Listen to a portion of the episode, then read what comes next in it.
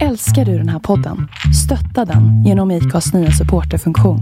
Det är helt upp till dig hur mycket du vill bidra med och det finns ingen bindningstid. Klicka på länken i poddbeskrivningen för att visa din uppskattning och stötta podden. Imagine the softest sheets you've ever felt. Now imagine them getting even softer over time. That's what you'll feel with Bowl and Branch's organic cotton sheets. In a recent customer survey, 96% replied that Bowl and Branch sheets get softer with every wash. Start getting your best night's sleep in these sheets that get softer and softer for years to come. Try their sheets with a 30-night guarantee. Plus, get 15% off your first order at bowlandbranch.com. Code BUTTERY. Exclusions apply. See site for details. Hey there, it's Michelle Norris. I'm host of a podcast called Your Mama's Kitchen. When I travel, I'm usually looking for a way to find a taste of home when I'm not at home. And one of the things I love to do when I am at home is entertain. And Airbnb allows me to do that. When I was in California recently, I rented a house that had a great kitchen. And when we were sitting around the table, we're all thinking, we're in someone else's house. Someone could be in all of our homes as well. If you have a home, but you're not always at home, you have an Airbnb. Your home might be worth more than you think. Find out how much at airbnb.com/slash host.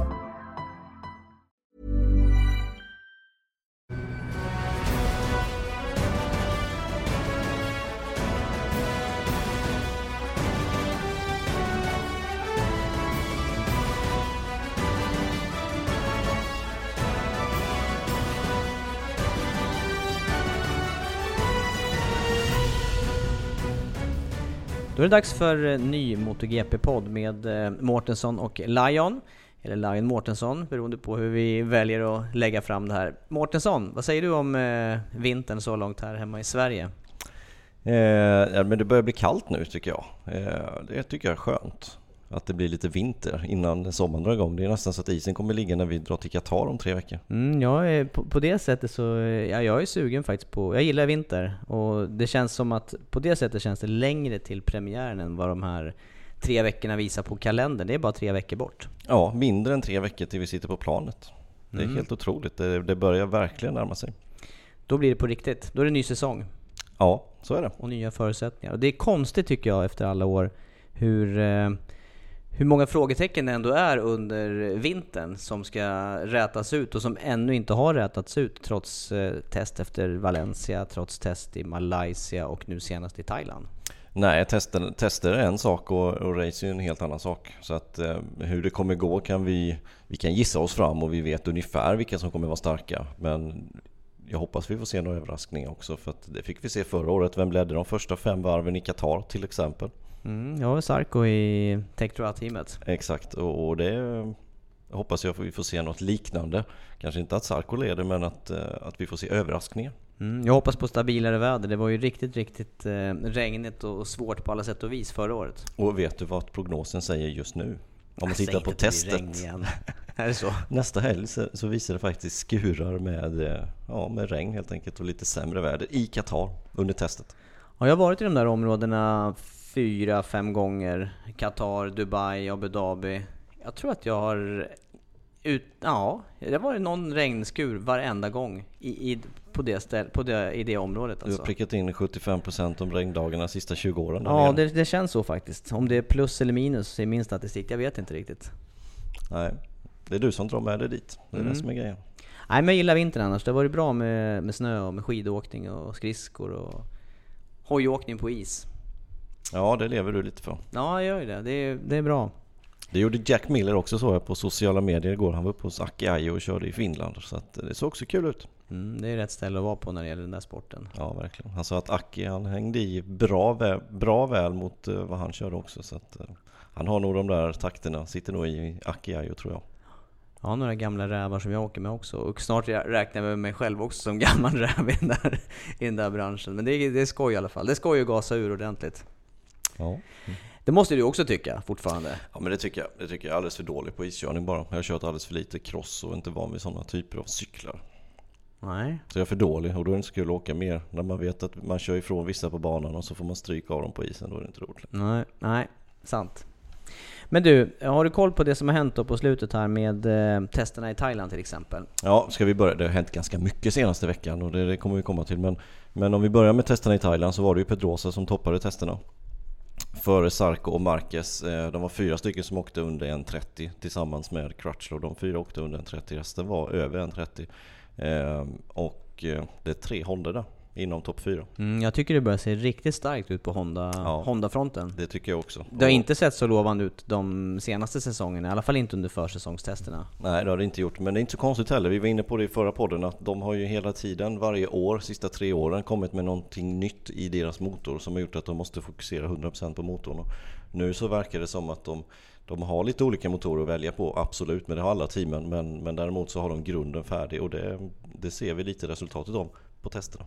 Men den här banan trodde jag skulle vara lite utjämnande rent eh, i och med att ingen kommer dit, ingen av, inga av teamen kommer med data sedan tidigare och helt ny bana för säsongen som man då ska använda på kalendern i oktober. Ja, exakt. Och, och den påminner ju väldigt mycket om eh, Red Bull Ring i Österrike. Eh, och därför är det ju väldigt konstigt när man tittar på resultatlistan och hör kommentarerna dessutom. När vi såg Lorenzo som satte nytt inofficiellt varvrekord på Sepang. Kommer dit och är 16 Vad händer där? Ja, det är precis samma fråga som jag ställer mig. Det, det är, man får ju ingen röd tråd i utvecklingen när det, när det går så mycket upp och ner. Det, det tycker jag är stora skillnader, väl stora skillnader. Ja, verkligen. Utan det är ju vad man kan tyda av de två testerna som har varit. Nu ska vi återigen säga test är test, race är race. Det är en helt annan sak. Men eh, fyra Honda, eh, det är någonting som följer med ifrån testet från Malaysia, där Honda också var stark. Men det här med att test är test då, vad, vad, vad skiljer framförallt då eh, testverksamheten från en racehelg? Nej, men de, man kanske inte är ute och, och sätta ett snabbt varv utan man får ju titta efter hur, vilket snitt man har på tider och hur, vilken race pace man har för att alla förarna är inte ute för att sätta ett snabbt utan, utan det är ju liksom att testa ut rätt prylar och eh, ha ett bra paket som möjligt. Det är det det handlar om, inte att köra ett snabbt varv. Nej.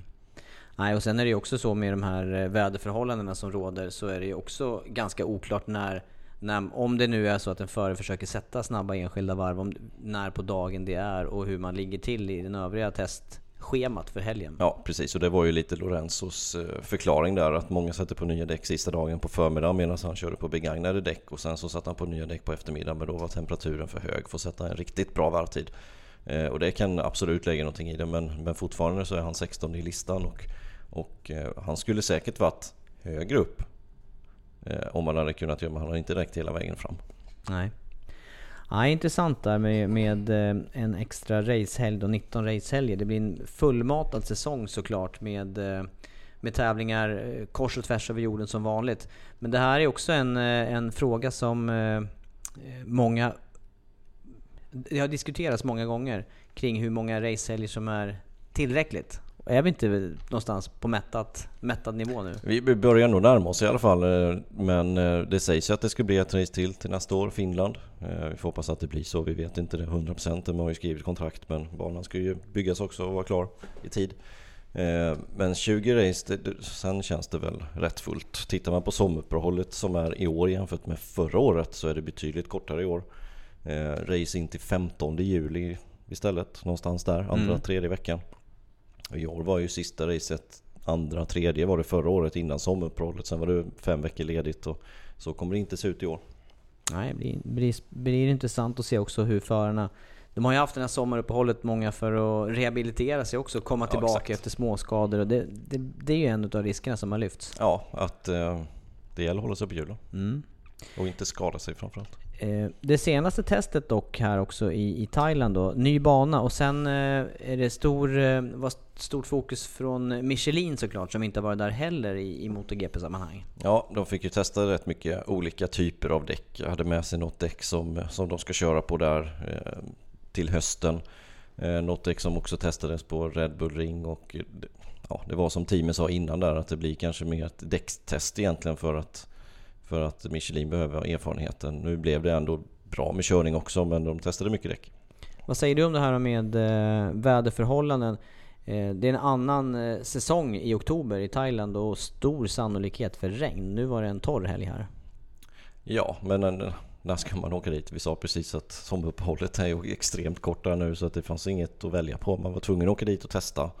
Så att man vet ungefär vad man har att vänta sig. Och speciellt för Michelins del så man inte hamnar i det debaclet som man hamnade i på Phillip Island där, var det 2013? När de fick eh, korta ner racedistansen till 20 varv och som ett obligatoriskt depåstopp på varv 9, 10 eller 11.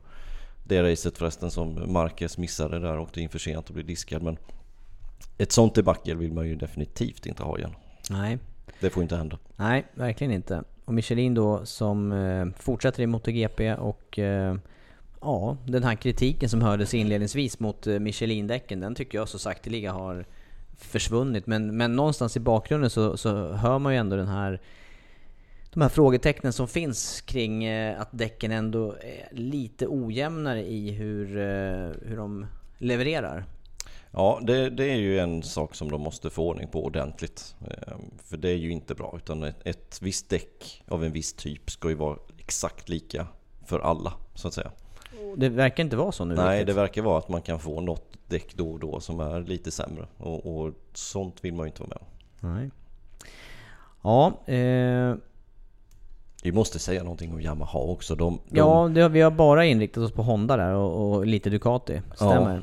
Men, Eh, men Yamaha, de, de såg ut att vara på rätt väg Tycker jag i Malaysia Men nu så senast här i Thailand Då var ju Vinales, han var ju Han var ju nästan arg Hur dåligt det hade gått.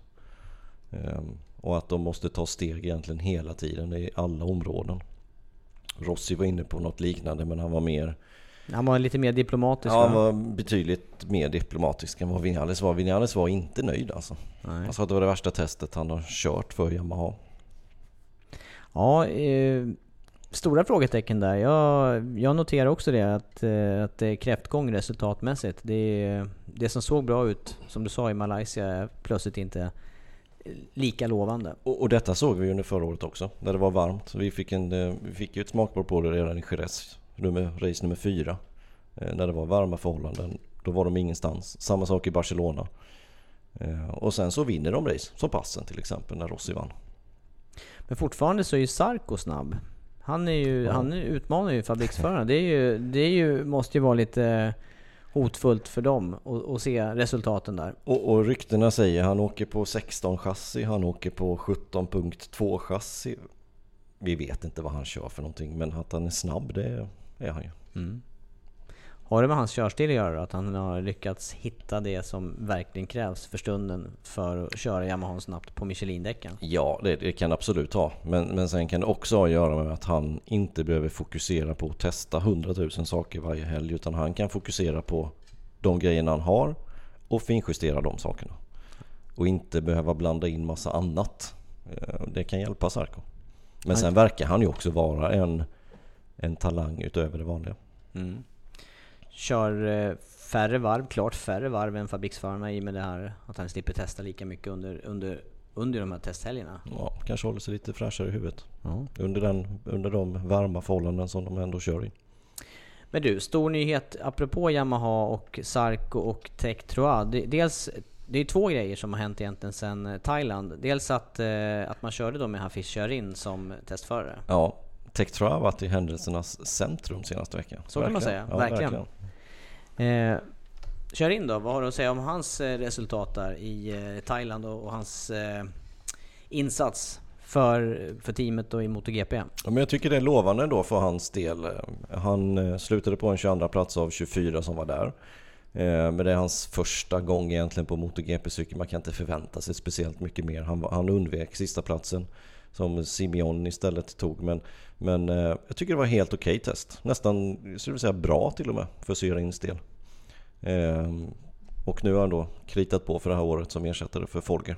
Mm. Och det måste ju ändå vara skönt för sponsorer, för team och även då för alla intressenter, alla förare som har visat sig tillgängliga då för, för Porsche Rally i det här läget. Att dörren är stängd. Ja, nu är det stängt. Nu, Ja. nu kan man fokusera på det man skulle ha gjort. Ja, exakt. Nej, men det, det är skönt för alla inblandade att det kommer ändå ganska tidigt. Nu är det ju i senaste laget givetvis, men det kunde varit ännu värre.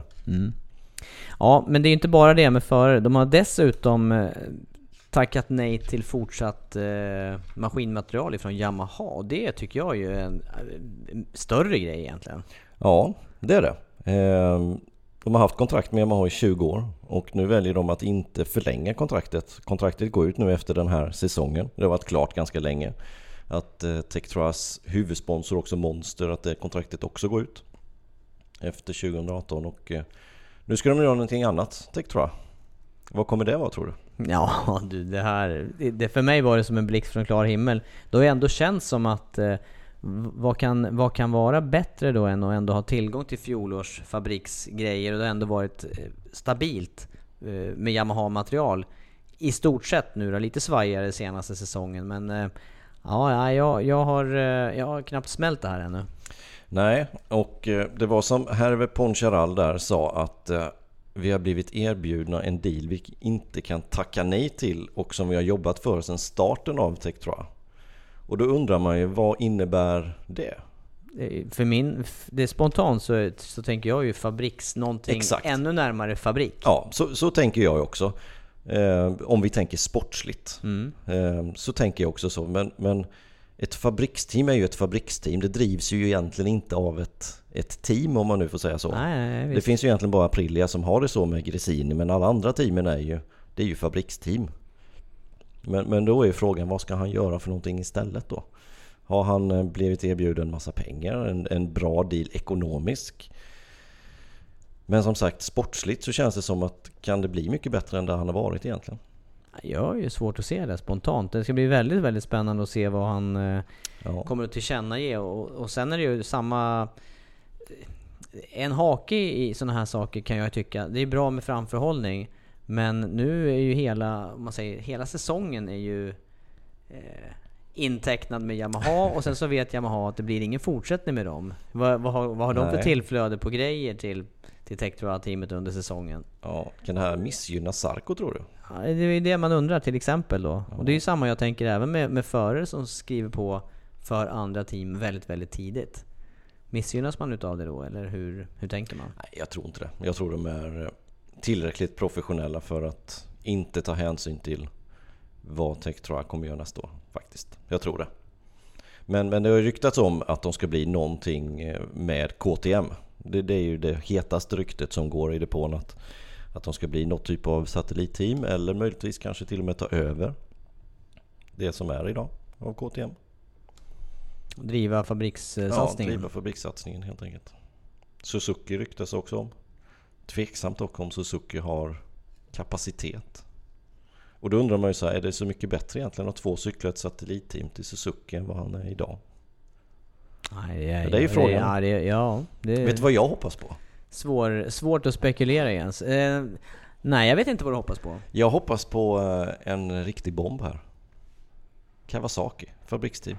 Kawasaki. Ytterligare ett fabrikat. Med Jonathan Rea som förare. Ja, Säger det, de den då? Det, ja, det är ju en riktig bomb i så fall. Ja, den är väldigt, inte eh, trolig, men nej. ändå. Det hade varit kul. Ja, för annars är ju målsättningen eh, som är nu, det är ju just att ha de här fabrikanterna som finns i mästerskapet och ha två fabrikscyklar och två satellitcyklar från respektive fabrikat egentligen. Ja, visst. 24 eh, förare på griden. Där är det ju inte nu. Det är ju lite eh, övervikt eh, Ducati till exempel. ja, det kan vi säga. Och lite under, underläge numerärt för Suzuki. Och KT. Ja. Mm. Ja, nej, men det ska bli väldigt intressant att se för att som sagt, han har blivit erbjuden en, en deal som man inte kunde motstå. Frågan är då vad detta är för någonting. För det känns som att rent sportsligt som jag sa, vad kan vara bättre? Nej men de resultat som har varit hos eh, det här teamet eh, under de 20 år som, har, som man då har använt Yamaha-cyklar och så är det ju Ja. Ja det, blir... det, är, ju pallplatser och säga rätt. Någon seger där också eller hur? Tektroa-teamet. för mig att det var, eller i alla fall två, hade de två före på pallen någon gång där i Philip Island. Det här borde jag kolla naturligtvis innan jag slänger ur här. Det har jag inte gjort. Crutchlow, ja. Ben Spies. Eller Crutchlow Smith kanske, någon gång. Nej, de, de, var på pallen. Inte, de Smith var på pallen i Misano en gång. Ja. Ja, hur som helst, vassa resultat. Vassa resultat och, och bra maskinmaterial har ju han haft. Mm, verkligen. Och stått väldigt nära fabriken. Han har ju till och med haft förare i sitt team som har varit kontrakterade av Yamaha. Senast nu Paul Espargaro till exempel. Så att eh, det ska bli väldigt, väldigt intressant att se vad, eh, vad som vad det kan innebära. Innebär det KTM kommer det då dra med sig Motor 2-satsning också kanske? För det är ju hans egna chassi där, Mistral 610, det har ju inte rosat marknaden riktigt. Nej, det har ju inte det. Eh, och KTM verkar ju extremt bra just nu i Jewelry isn't a gift you give just once. It's a way to remind your loved one of a beautiful moment every time they see it. Blue Nile can help you find the gift that says how you feel and says it beautifully with expert guidance and a wide assortment of jewelry of the highest quality at the best price. Go to BlueNile.com and experience the convenience of shopping Blue Nile, the original online jeweler since 1999. That's BlueNile.com to find the perfect jewelry gift for any occasion. BlueNile.com. Hiring for your small business? If you're not looking for professionals on LinkedIn, you're looking in the wrong place. That's like looking for your car keys in a fish tank. LinkedIn helps you hire professionals you can't find anywhere else, even those who aren't actively searching for a new job but might be open to the perfect role. In a given month, over 70% of LinkedIn users don't even visit other leading job sites. So start looking in the right place. With LinkedIn, you can hire professionals like a professional. Post your free job on linkedin.com slash people today. Hey there, it's Michelle Norris. I'm host of a podcast called Your Mama's Kitchen. When I travel, I'm usually looking for a way to find a taste of home when I'm not at home. And one of the things I love to do when I am at home is entertain. And Airbnb allows me to do that. When I was in California recently, I rented a house that had a great kitchen. And when we were sitting around the table, we're all thinking, we're in someone else's house. Someone could be in all of our homes as well. If you have a home, but you're not always at home, you have an Airbnb. Your home might be worth more than you think. Find out how much at airbnb.com/slash host. i, i Motor 2. Så att det kanske drar med sig någonting där. Men starten alltså 2019 för ny eh, karriär då, eller ny riktning i karriären för Ja. ja. Tektroa-teamet och eh, Porsche Rall. Det kanske är bra med Motor 2 också när vi får in Triumph-motorer. Börja om på scratch både, på båda sidorna så att säga. Intressant. Ja det är det jag. verkligen. Ja, mycket, mycket stora nyheter kring Tektroa-teamet alltså. Men vad innebär detta för Yamaha då? Och de måste hitta en ny, eh, ett nytt team som, eh, som driver satellitcyklar. Om man nu har den tanken. Och vi har ju varit inne på det att eh, det här kommer ju... Eh, Yamaha särskilt skulle ju behöva fler förare som eh, skyndar på utvecklingen som det ser ut nu. För just nu så känns Yamaha lite grann på, på hälarna. Alltså att de är inte riktigt i riktning framåt. Nej, inte just, inte just nu. Så känns det. Det känns som att de behöver lite hjälp av fler cyklar som kan hjälpa till att dra lasset. För att komma till rätta med problemen de har. Eh, Men kan var detta innebära- Efter, eh, ja. Var du ute efter något förslag på team Kan, kan detta driva? innebära någonting eh, med Rossi tror du? Ja, jag, jag spontant, visst tanken har slagit mig här. Vi vet att eh, Banjaya har skrivit på för, för två år Mm. i MotoGP. Och, Pramac. Eh, då är det. Pramac ja. Eh, och, och Rossi har sitt eh, team i Moto 3 och i Moto 2. Eh, men ja, nu, nu blir det ju plötsligt en vakant plats där då.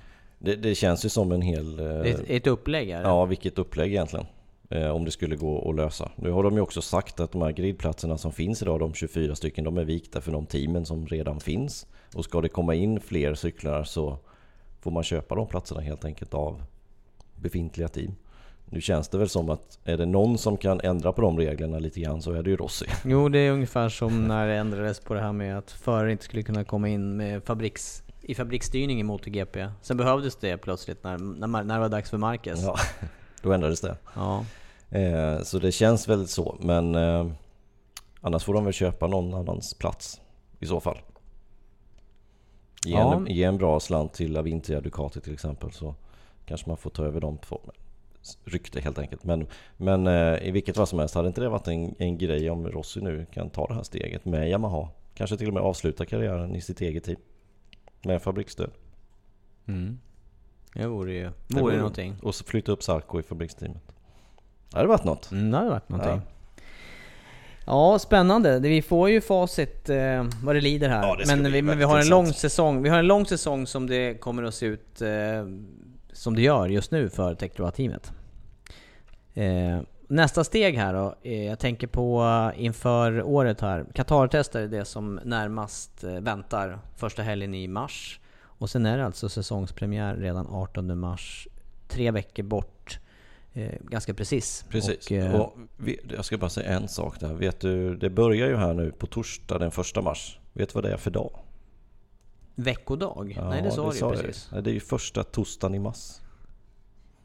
Och vad innebär det menar Första torsdagen i mars. Det är ju småländska nationaldagen. Det det måste för vi fira. Jag är ju smålänning. du? Det där, det där var helt nyhet för mig. Då, då firar man med prinsesstårta. Gör man det? Ja. Mhm. Alltså, kan du inte din småländska Nej, historia? det där... Nej, det var dåligt Tobias. Det var roligt att du sa. Jag hade inte tagit det faktiskt. Det hade jag, fått, jag hade fått gissa länge när jag kom på det där. Om ens någon. Jag visste inte ens att det fanns någon. Nej, då vet du det nu. Det att man har haft för dåliga, dålig täckning i, i rikspressen på det där. Ja, men det, det, det kommer. Ja, Det är på gång. det är på gång. Ja, det håller på Det att bli erkänt. det har legat och bubblat länge nu. Nu, nu har ju du tagit ett stort steg närmare Riks, Inte bara jag. riksbekantskapen. Inte bara jag. Det är en känd dag. Du ska få se första mars. Första mars. Nu hörde du att jag sa RS. Det är Ja. så man säger i Stockholm. Mm, jag hörde ju varför det var Smålands nationaldag där på uttalet där. För du hade ju ett RS i alla de tre orden. Första torsdagen i mars. Första torsdagen i mars. Ja. Japp. Så är det. Ja, ja, spännande. Men eh, då drar alltså Qatar-testet igång. Mm. Och eh, nu måste det ju börja utkristallisera sig. Dels är man ju nu på en bana där, där premiären kommer att gå av stapeln. Och sen har man då haft de här testerna i Malaysia och Thailand framför sig. Eller då har man haft dem eh, eh att utsortera saker. Ja, eh, absolut. Eh, om de andra två testen inte har gällt speciellt mycket, om vi inte kan titta på listan speciellt mycket vad som egentligen kommer hända, så kan vi se ganska tydligt vad som kommer hända tror jag efter, efter Qatar-testet.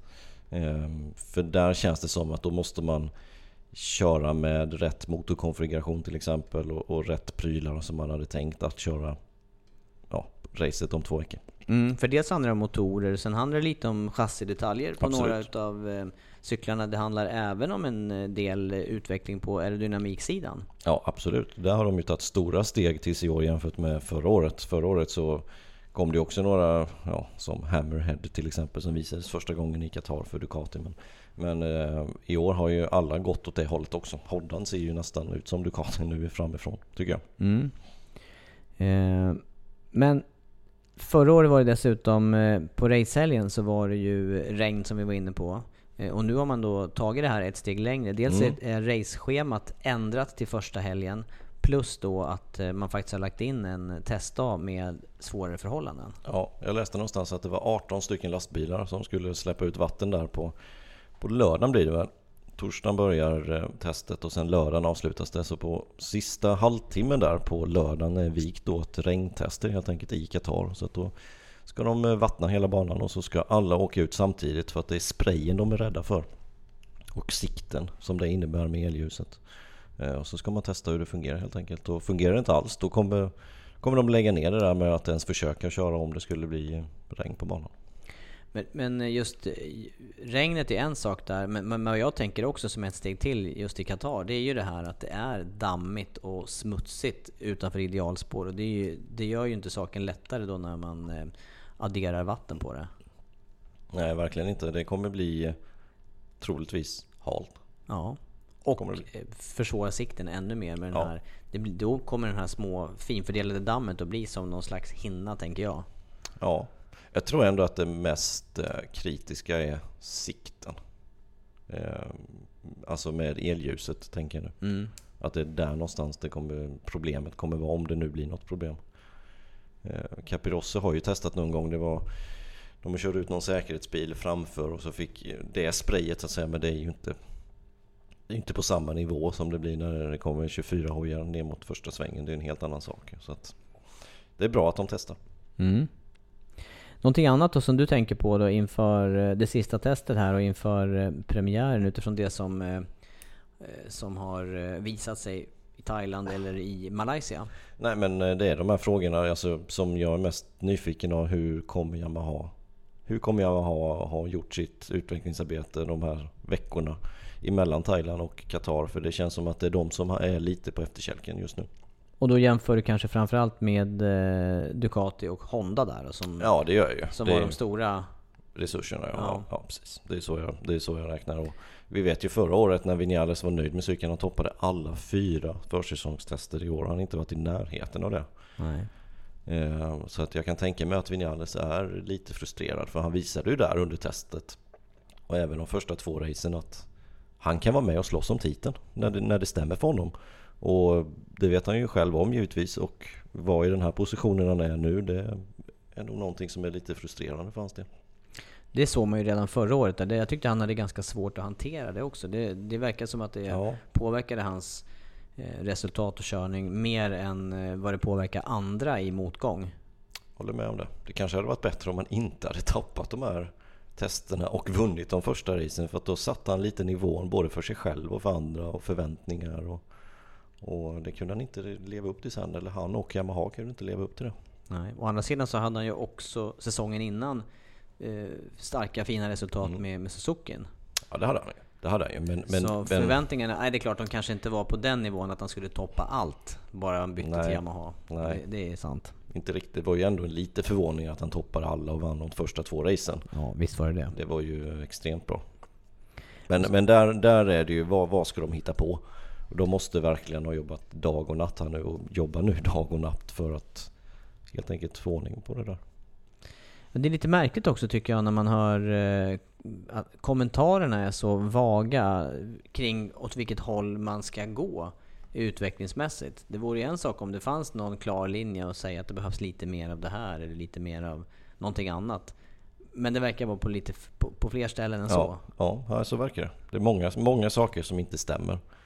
Ehm, främst, om man ska säga en sak som verkar vara dålig och som har varit dålig under, under något år här nu, det är ju fästet bak under racet. Alltså när det börjar bli slitet efter 10-12 varv. Där, där har de ju klagat många gånger. Där har ju också däcken då verkar som har ställt till en del just för Yamaha-förarna då. Att det blir eh, svårare att, eh, att kontrollera slitna däck. Ja, att de, det, det, det verkar som att de ligger liksom en, en, en eh, gummiblandning för hårt liksom hela tiden. Att med, med mjuka däck, ja då hänger de med men då håller inte det. Istället och sen så sätter de på hårda och de är inte, då har de inga varmtider istället. Ehm, och det beror ju inte bara på bakdäcket, det är ju som vi sa, det är många olika, många olika saker som det beror på givetvis.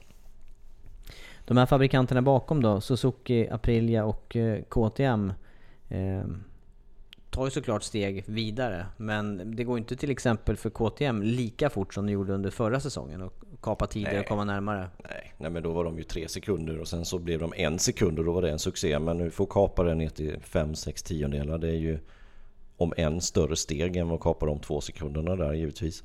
Så att nu börjar det nog ta emot lite. Nu var Paul Esparger och han var ju inte ens på testet i Thailand utan det var ju Kallio och eh, Bradley Smith som var där och jag tror de behöver Paul Esparger faktiskt. Ehm, Jag tyckte det blev ganska tydligt under fjolåret att han är den, den snabbare utav dem. Det var alltså en stor krasch i Malaysia som gjorde att han inte är på plats i, Ja, på plats i Thailand. Ja exakt. Så han stannar hemma från det testet helt enkelt. Men han ska vara tillbaka nu. Jag såg senast idag. Han körde lite cross i alla fall. Så att det verkar vara på bättringsvägen med Paul Espargaro. Någon som också är imponerande tycker jag, det är Alex Rins Mm. på Suzuki. Det har jag också tänkt på och eh, det verkar ju som att... eh, Ja, där har ju, hans fjolårssäsong var ju katastrofal med skador. Ja, början. Ja, Ja, och då, då tar det ju den tiden ens att komma in i klassen och sen så...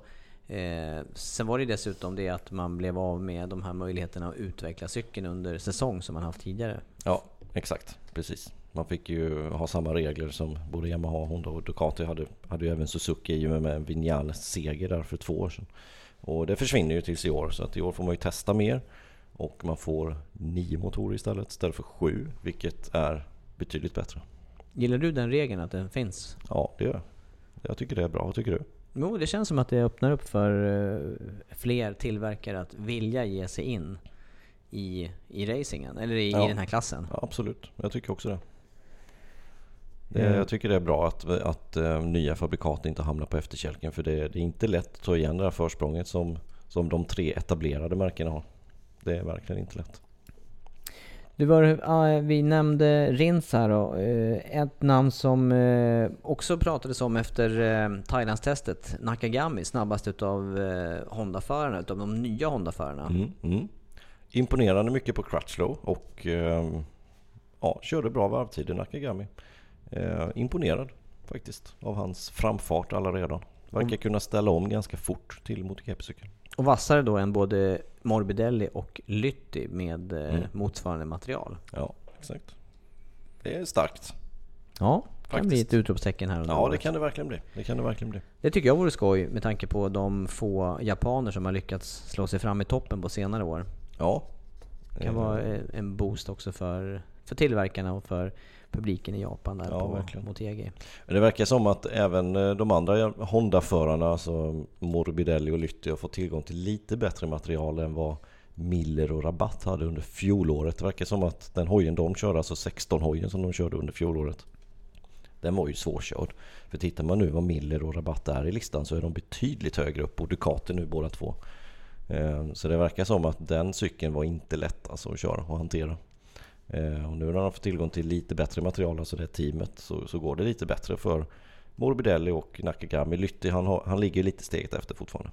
Mm. I och med hans han, krasch eh, där. ja, jag tänkte säga det. Han har ju också eh, sen start på grund av skada därifrån eh, ifrån Malaysia. Ja, han missade ju testet som var efter säsongen och gjorde sitt första test i Malaysia. Så att det, det är, Lytti får vi nog ge en, något test till och, och kanske till och med några race innan han kan konkurrera på riktigt, tror jag, med Morbidelli. Om han ens klarar det. Mm. Det blir intressant att se. Ja, det blir det. Men eh, tänker du att eh, det kommer att vara några större, större överraskningar då till eh, premiärhelgen i Qatar? Ja, är, är Sarko en överraskning? Nej, han är ju knappt det längre. Nej, han är Jag skulle, han är nästan diskvalificerad från det. Med tanke på resultaten förra ja. året. Men han sticker ju verkligen ut. Tycker jag.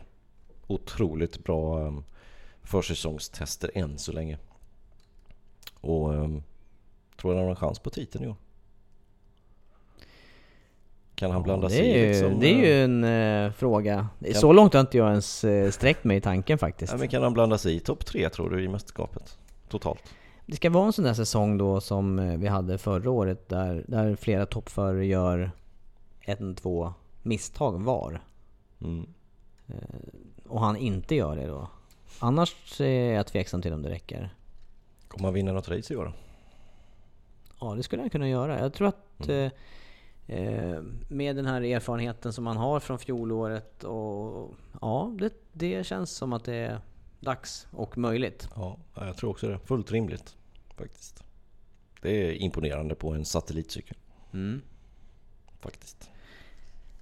Eh, ja, och utav nykomlingarna då? Vem tror du kommer att sticka ut här under eh, inledningen på säsongen? Jag tror det är Nakagami. Jag tror det efter vad man såg nu senast i Thailand och efter de lovorden han fick av bland annat Crutchlow så tror jag faktiskt Nakagami kan, kan eller han, han tror jag blir bäste rookie om man nu får säga så. Nu fick vi fem rookies i klassen med Syarin också. Men eh, ja, Nakagami Mm. skulle jag gissa på. Så det blir intressant att se nästa test här nu när de börjar liksom eh, varva upp ordentligt. Och börja lägga på mjukt gummi och, och börja liksom ladda för både varvtider och eh, annat. Mm, ja, det känns som att det är på allvar nu och det känns också som att det närmar sig på riktigt då med, eh, med tre veckor kvar till premiärhelgen. Jag känner som att vi har pratat om eh, högt, och, högt och lågt och eh, många, några stora nyheter. Riktigt stort det här med, med Tektroa som säger upp kontrakten med Yamaha. Men Ja. också då med förare och eh, fabrikater. Är det någonting som du tycker vi har missat i, idag? Nej, jag tycker inte det. Jag tycker vi har en, en bra avstämning. Och sen ser vi fram emot vilken dag på torsdag? Första torsdagen i mars, eller hur var det? Precis, då börjar testet. Ja. Sista. Smålands nationaldag. Ja.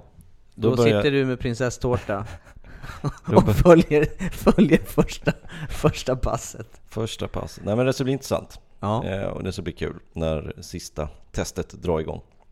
jag tycker också det. Ja, det blir, det blir väldigt bra och eh, spännande att få igång säsongen igen då. då. Och för mig är det här... Eh, ja, det är en serie som fortsätter att utvecklas i rätt håll och ge många öppningar för bra race och fortfarande i huvudet. Visst, Marcus kan ju vara den som är stor favor eller favorit. Så ska, jag ska inte säga stor favorit, men favorit till, till titeln. Men det finns ju bra många namn där som kommer att kunna vinna race återigen. Mm. Ja, det tror jag också. Vi kommer få se många segrar. Det tror jag också.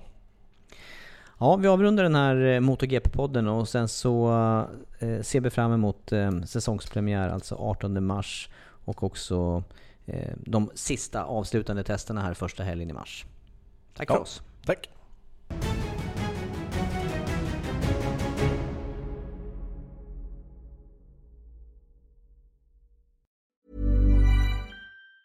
Even on a budget, quality is non-negotiable. That's why Quince is the place to score high-end essentials at 50 to 80% less than similar brands. Get your hands on buttery soft cashmere sweaters from just 60 bucks, Italian leather jackets, and so much more.